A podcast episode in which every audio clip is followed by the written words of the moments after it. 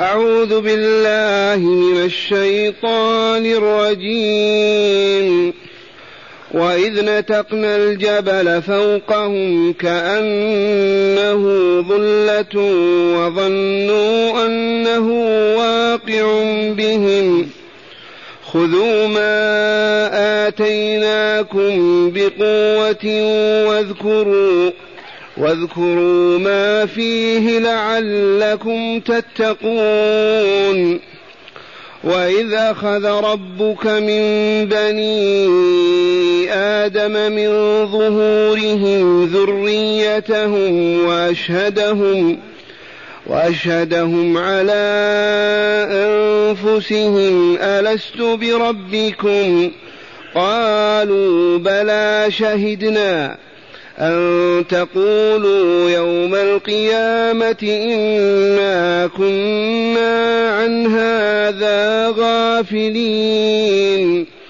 أو تقولوا إنما أشرك آباؤنا من قبل وكنا وكنا ذرية من بعدهم. أفتهلكنا بما فعل المبطلون وكذلك نفصل الآيات ولعلهم يرجعون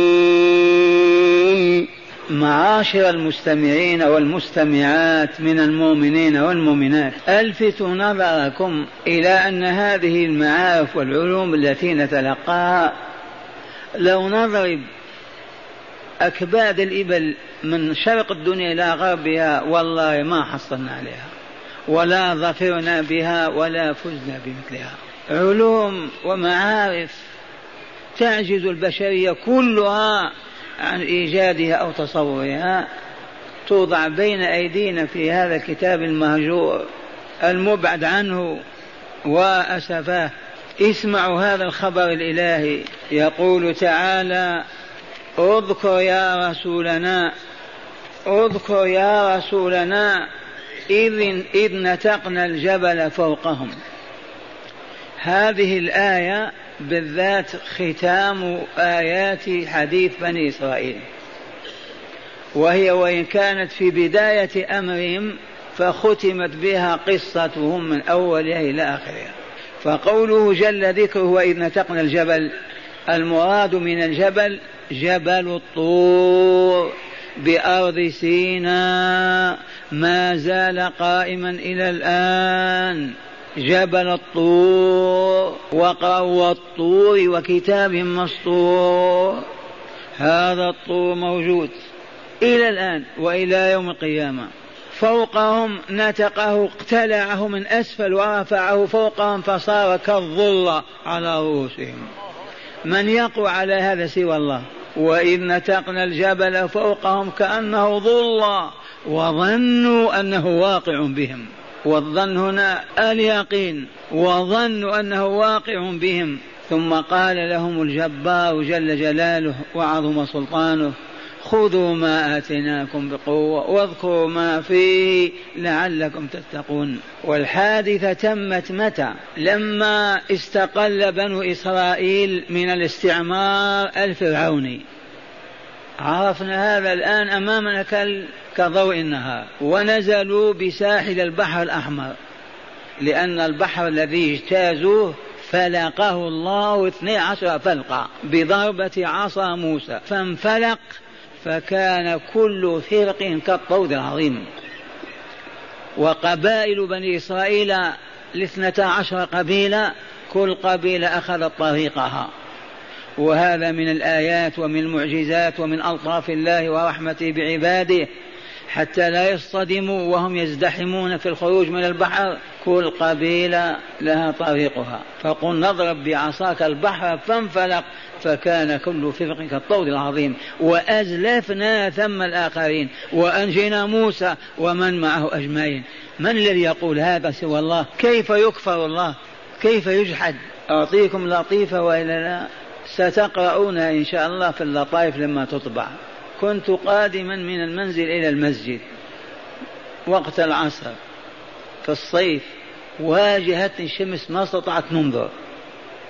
فوضعت كفي هكذا فحجبت الشمس بكاملها. والله العظيم الشمس مليون ونصف مليون مرة أكبر من الأرض حجبتها بكفي. تأملتم ولا لا؟ تحجب بالكف ولا لا؟ هي تحجب عن عينيك. مع عظمتها فكذلك الله جل جلاله كل ذرة في الكون تشهد بوجوده وعلمه وقدرته وأنه لا إله إلا هو من السماوات والأرض ويكفره العبد ويغطيه كما غطينا الشمس بالكف. فهمتم ولا لا؟ بكلمة كفر يستر هذا كامل ويغطيه. لا إله إلا الله. فلما استقلوا واحتاجوا إلى الدستور الإسلامي الذي يحكمه موسى فيهم لأنهم أمة ستمائة ألف نساء ورجال وأطفال. من أين يأتيهم الدستور الإسلامي؟ ما في الأرض مؤمنون إلا هم. فقط. فقال لهم نبي الله موسى بعد ما أوحى الله إليه أن ائتنا إلى جبل الطور. قال اجلسوا ووكل أخاه هارون وأسند إليه مهمتهم حتى يأتي بالدستور ويجيء. وخرج موسى وقد عرفنا أن الله أعطاه أربعين يوما ثلاثون يوما وأضاف إليه عشرة وواعدنا موسى ثلاثين ليلة وأتممناها بعشر فتم ميقات ربي أربعين ليلة. واللطيفة في هذه أنه لما شعر بتغير ريقه ورائحة فمه تناول قشرة من شجرة ومضغها ليزيل ذاك الأثر فلم يرضى الله تعالى هذا وقال إذا صم عشرة أيام أخرى. وبلغنا هذا حبيبنا صلى الله عليه وسلم بقوله لخلوف فم الصائم أطيب عند الله من ريح المسك. لخلوف الخلوف الرائحة التي يخلفها الفم من الصيام أطيب عند الله من ريح المسك. ولهذا الإمام أحمد رحمه الله إمام أهل السنة يكره الاستياك بعد صلاة الظهر للصائمين؟ لأن الريق ذاك الذي يتعفن فيه خليه كما هو إلى الليل.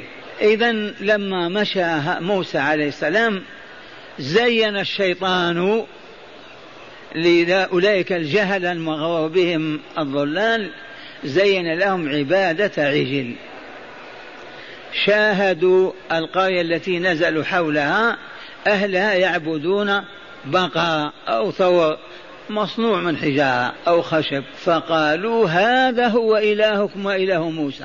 وموسى ظل في الطريق وما عرف وإله موجود هنا. من زين هذا؟ أبو مرة. من قبله؟ الجهال والضلال وصفقوا وقالوا هذا هو.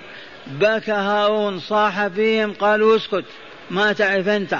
إذا وجاء موسى وعلم أن قومه هلكوا قبل وصوله إليهم وصاح فيهم وبيده التوراة فرماها فتكسرت الألواح قبل أن تكتب في الورق. وألقى الألواح وأخذ برأس أخيه يجره إليه قال ابن أمة إن القوم استضعفوني وكادوا يقتلونني فلا تشمت بي الأعداء ولا تجعلني مع القوم الظالمين. فعفى عن أخيه ورفع كفيه إلى ربه. وتورط بنو إسرائيل في عبادة غير الله. إذا فما هو الواجب؟ اختار منهم سبعين رجلا ليذهب بهم إلى الله ليتوبوا بين يديه في جبل الطور. أخذ السبعين من خيارهم. وانظروا إلى ضعف القلوب وضعف العقول وضعف الفهوم. هؤلاء من خيرة بني إسرائيل. وأعيد فأقول لأنهم ما تربوا في حجور الصالحين. ما تربوا في بيوت المؤمنين والمؤمنات. تربوا في بلاد الشرك والكفر والضلال. إذا لما وصل بهم إلى الجبل وكلم الله موسى فقالوا أرنا الله جهرة؟ ما دام تسمع كلامه ونسمع نريد أن نراه. أرنا الله جهرة؟ فأخذتهم الصاعقة وهم ينظرون. فما استطاعوا من قيام ثم تابوا عادت إليهم الحياة ورجعوا هيا تفضلوا خذوا التوراة بما فيها وطبقوها واعملوا بشرائعها وعباداتها وقوانينها. قالوا ما نستطيع. أمة ضعيفة والشعب ممزق وكذا ما نتحمل هذه المسؤولية. سمعتم ولا لا؟ ما نقدر يا ربي. فما كان من الله عز وجل إلا أن نقض الجبل من أسفل ورفعه فوقهم. بواسطة جبريل أو إسرافيل أو ما شاء الله أو بكلمة التكوين كن فكان. وإذ نتقنا الجبل فوقهم كأنه ظلا وظنوا أنه واقع بهم. هيا خذوا ما آتيناكم بقوة. تعهدوا ووفوا. خذوا ما آتيناكم بقوة. هذه الشرائع والقوانين والآداب والأحكام التي حوتها التوراة خذوها ونفذوها بقوة. ما هو بالتلاعب والتماهل والكسل؟ تقيمون واجب وتتركون آخر تطبقون قاعدة وتخربون أخرى. خذوا ما أتيناكم بقوة بعزيمة وشدة. ومن أراد أن ينظر فلينظر عزيمة أصحاب رسول الله والقرون الذهبية في تطبيق الشريعة كيف كانت فاطمة يقول الحبيب صلى الله عليه وسلم لو سرقت فاطمة لقطعت يدها. هذا الأخذ بالقوة وإلا لا؟ عمر جلد ولده مئة جلدة. عثمان جلد ابن أخيه أو ابن أخته مئة جلدة. خذوا ما أتيناكم بقوة ولا ما استطعت نعبر عن الأخذ بالقوة. بالعزيمة الصادقة. ما يتخلف واجب ولا تترك فريضة ولا يفعل حرام أبدا. بصدق. ثانيا واذكروا ما فيه ما تنسوه. تهملوه وتقول نسينا. يجب أن يذكر هذا على القلوب والألسن دائما وأبدا بكل عزم وصدق ويطبق كذلك. خذوا ما آتيناكم بقوة واذكروا ما فيه أي لا تنسوا ليعدكم ذلك إلى التقوى. لعلكم لعل الإعدادية. أي ليعدكم ذلك للتقوى وهي رأس المال. ما بعدها طلب. ومن فقدها ما بعدها شر. التقوى. معاشر المستمعين والمستمعات من المؤمنين والمؤمنات هل عرفتم التقوى؟ هذه التي هي الأمل الأوحد. صاحبها نجا. فاقدها هلك. التقوى عبارة عن شيء نتقي به غضب الله وسخطه علينا. فإذا لم يسخط ولم يغضب ما يعذبنا. التقوى شيء نتقي به سخط الله وغضبه علينا. ما هذا الشيء يرحمكم الله؟ إنه طاعة الله وطاعة رسوله في الأوامر الواجبات المفروضات وفي النواهي المكروهات المحرمات. والله لا يتقى عذاب الله بغير هذا. أحببتم أم كرهتم؟ وقال لعلكم تتقون لأن التقوى هي مفتاح دار السلام. واسمعوا قول الله عز وجل ألا ألو لما الشيخ تقول ألو في المسجد النبوي؟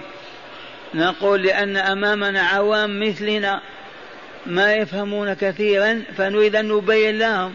يجوز وإلا لا؟ لأننا ألفنا. ألو ألو البنت تزحف على ركبتيها تأخذ السماعة ألو. أعوذ بالله. ما عندكم هذا؟ الأطفال ألو. فعندنا ألو في القرآن العظيم. ما هي مع التليفون فقط وهي ألا بمعنى انتبهوا اسمعوا تلقوا الخبر بعناية. ألا إن أولياء الله لا خوف عليهم ولا هم يحزنون. من لم يخف ولم يحزن كيف حاله؟ أمن وسعيد هو في دار السلام. ومن خاف وحزن هلك لا يخاف ولا يحزن إلا معذب ثم بين تعالى سبيل النجاة كيف لا خوف عليهم ولا حزن؟ كيف اصبحوا أولياء الله؟ قال الذين آمنوا وكانوا يتقون. آمنوا وكانوا يتقون. الإيمان اولا لأنه الحياة والتقوى العمل الجاد الصادق بفعل ما أوجب الله ورسوله وترك ما نهى الله ورسوله صلى الله عليه وسلم. هل عرفتم معاشر المؤمنين هذا؟ وسر ذلك أن هذه التقوى تزكي النفس وتطهرها.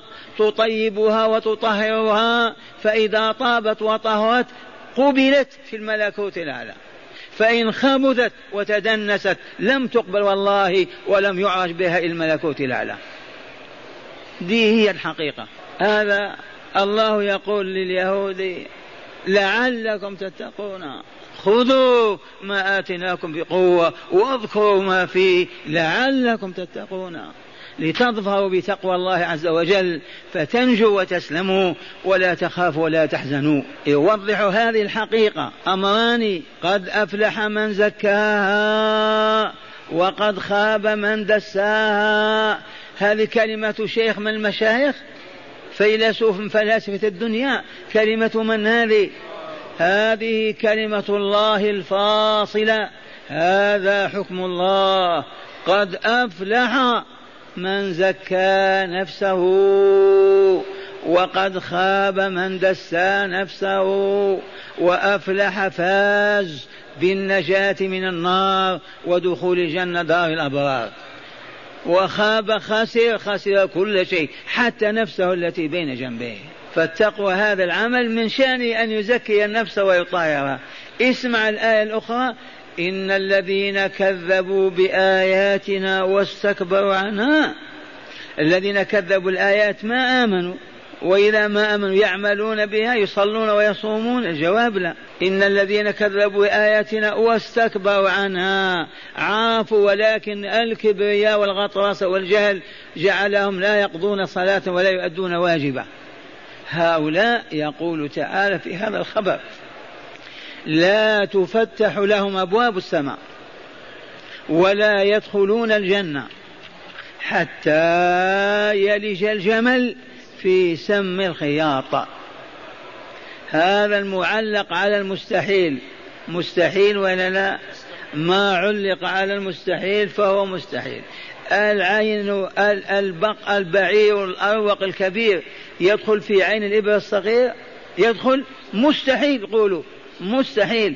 إذا ذو النفس الخبيثة مستحيل أن تطلع روحه الملكوت الأعلى هذا خبر الله.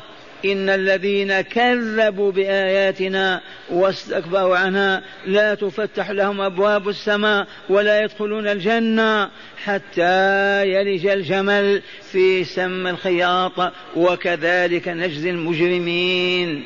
المجرمون من هم؟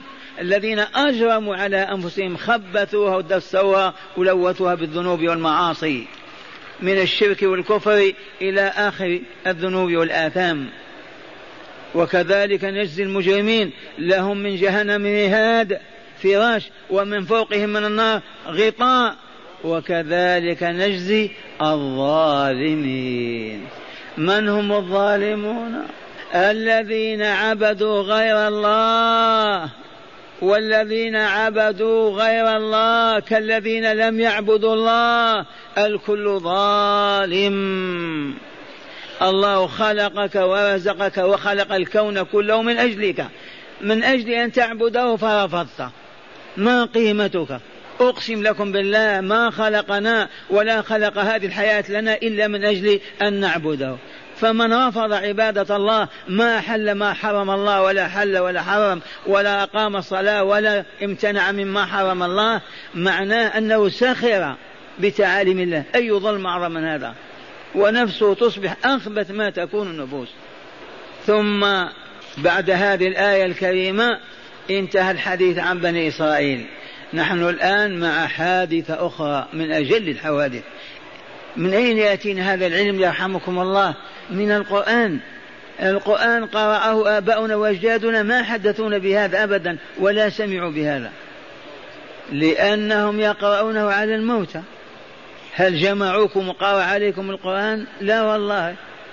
يقرؤونه على الموتى وإلى الآن ما زال يقرؤون على الموتى وأنا ما أرى صورة أبشع من أن نجد جماعة يقرؤون على ميت. الأحياء في حاجة إلى أن يقرأ عليهم القرآن ليجتنبوا المحارم ليفعلوا الواجبات لا لأنهم أحياء. والميت يقرؤون عليه يقوم يصلي يعني يتوب إلى الله يقول سددوا الديون علي. الجواب لا أبدا. كيف أنت تقع على ميت؟ وحدثوا الناس بهذا يقولون اسكتوا. هذا كلام فارغ وباطل. أجدادنا كلهم يقرؤون القرآن على الموتى. إذ لا بد أن يقولوا هذا. أبو مرة ما مات الذي ينفخ هذه الأباطيل في النفوس. يقول تعالى واذكر أيضا يا رسولنا إذ أخذ ربك من بني آدم من ظهورهم ذريتهم. افهموا بلغوا.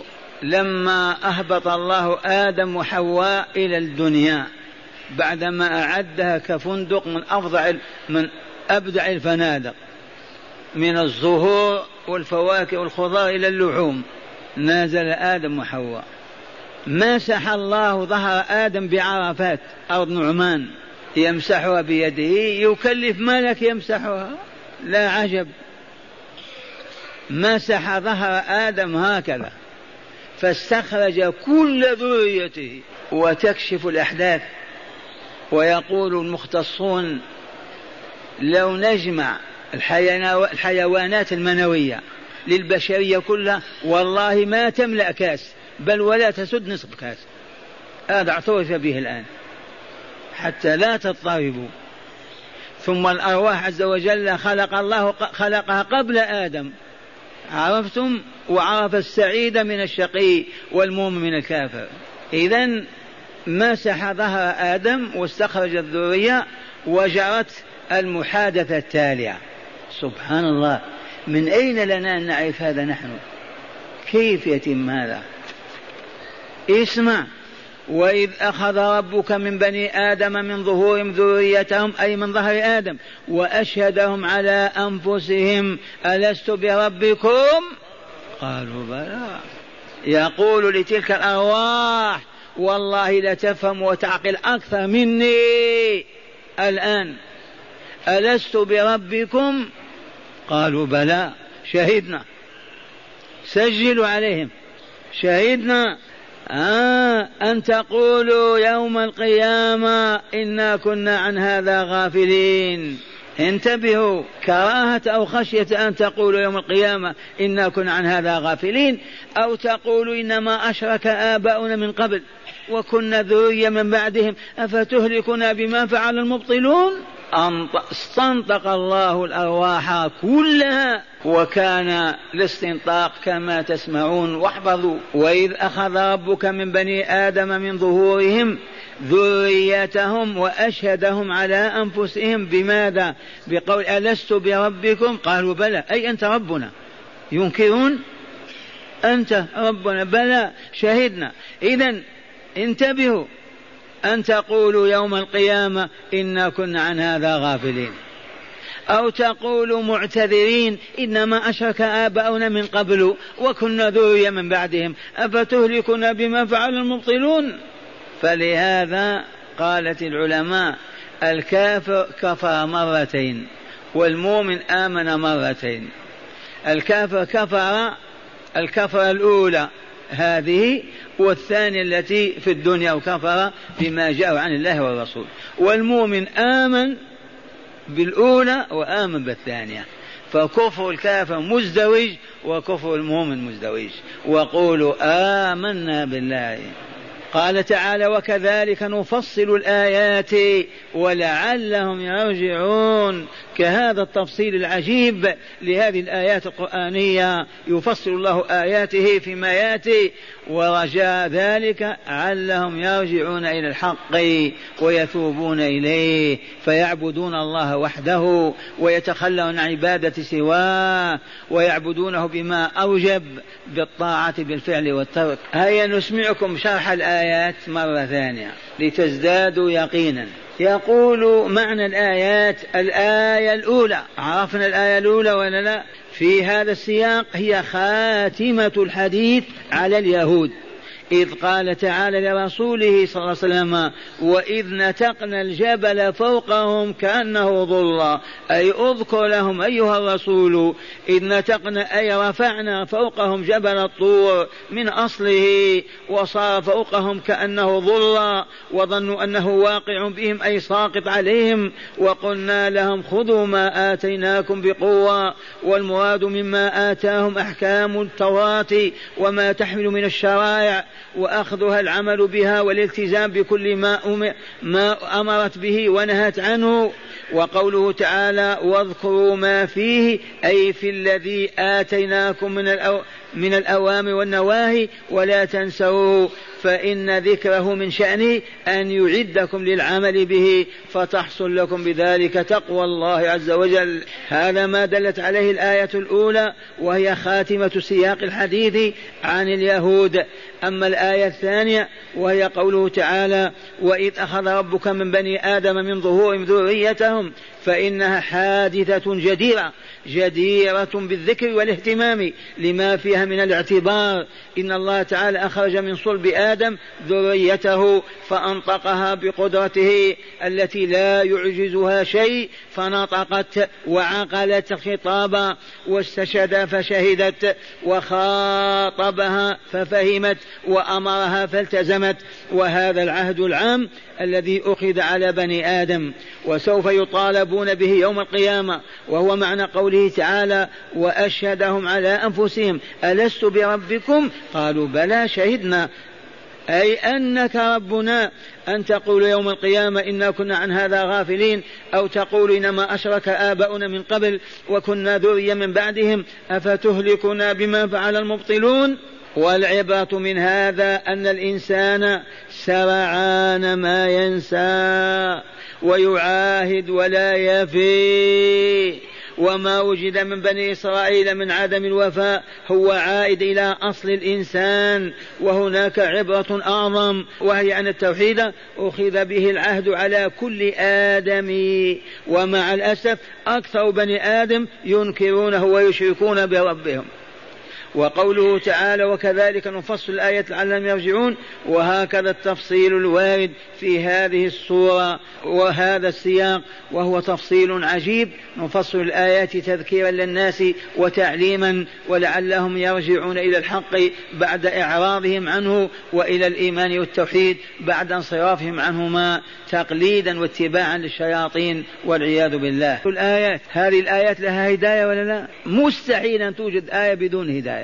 لماذا أنزلها هدى ورحمة؟ أولا بيان نفسيات اليهود وأنها نفسية غريبة وإلا كيف وهم بين يدي الله يتمردون عليه ويعصونه برفضهم الالتزام بما عهد إليهم من أحكام حتى يرفع عنهم فوقهم الطور تهديدا لهم وعندئذ التزموا ولم يثبتوا إلا قليلا حتى نقضوا عهدهم والعياذ بالله. ثانيا عجيب تدبير الله في خلقه. إي والله. ثالثا الكافر كفر مرتين. كفر بالعهد الذي أخذ عليه وهو في عالم الذر وكفر بالله وهو في عالم الشهادة. والمؤمن آمن أيضا مرتين. فلذا يضاعف للأول العذاب ويضاعف للثاني الثواب. الرابعة تقرير مبدأ الخليقة ومبدأ المعاد الآخر.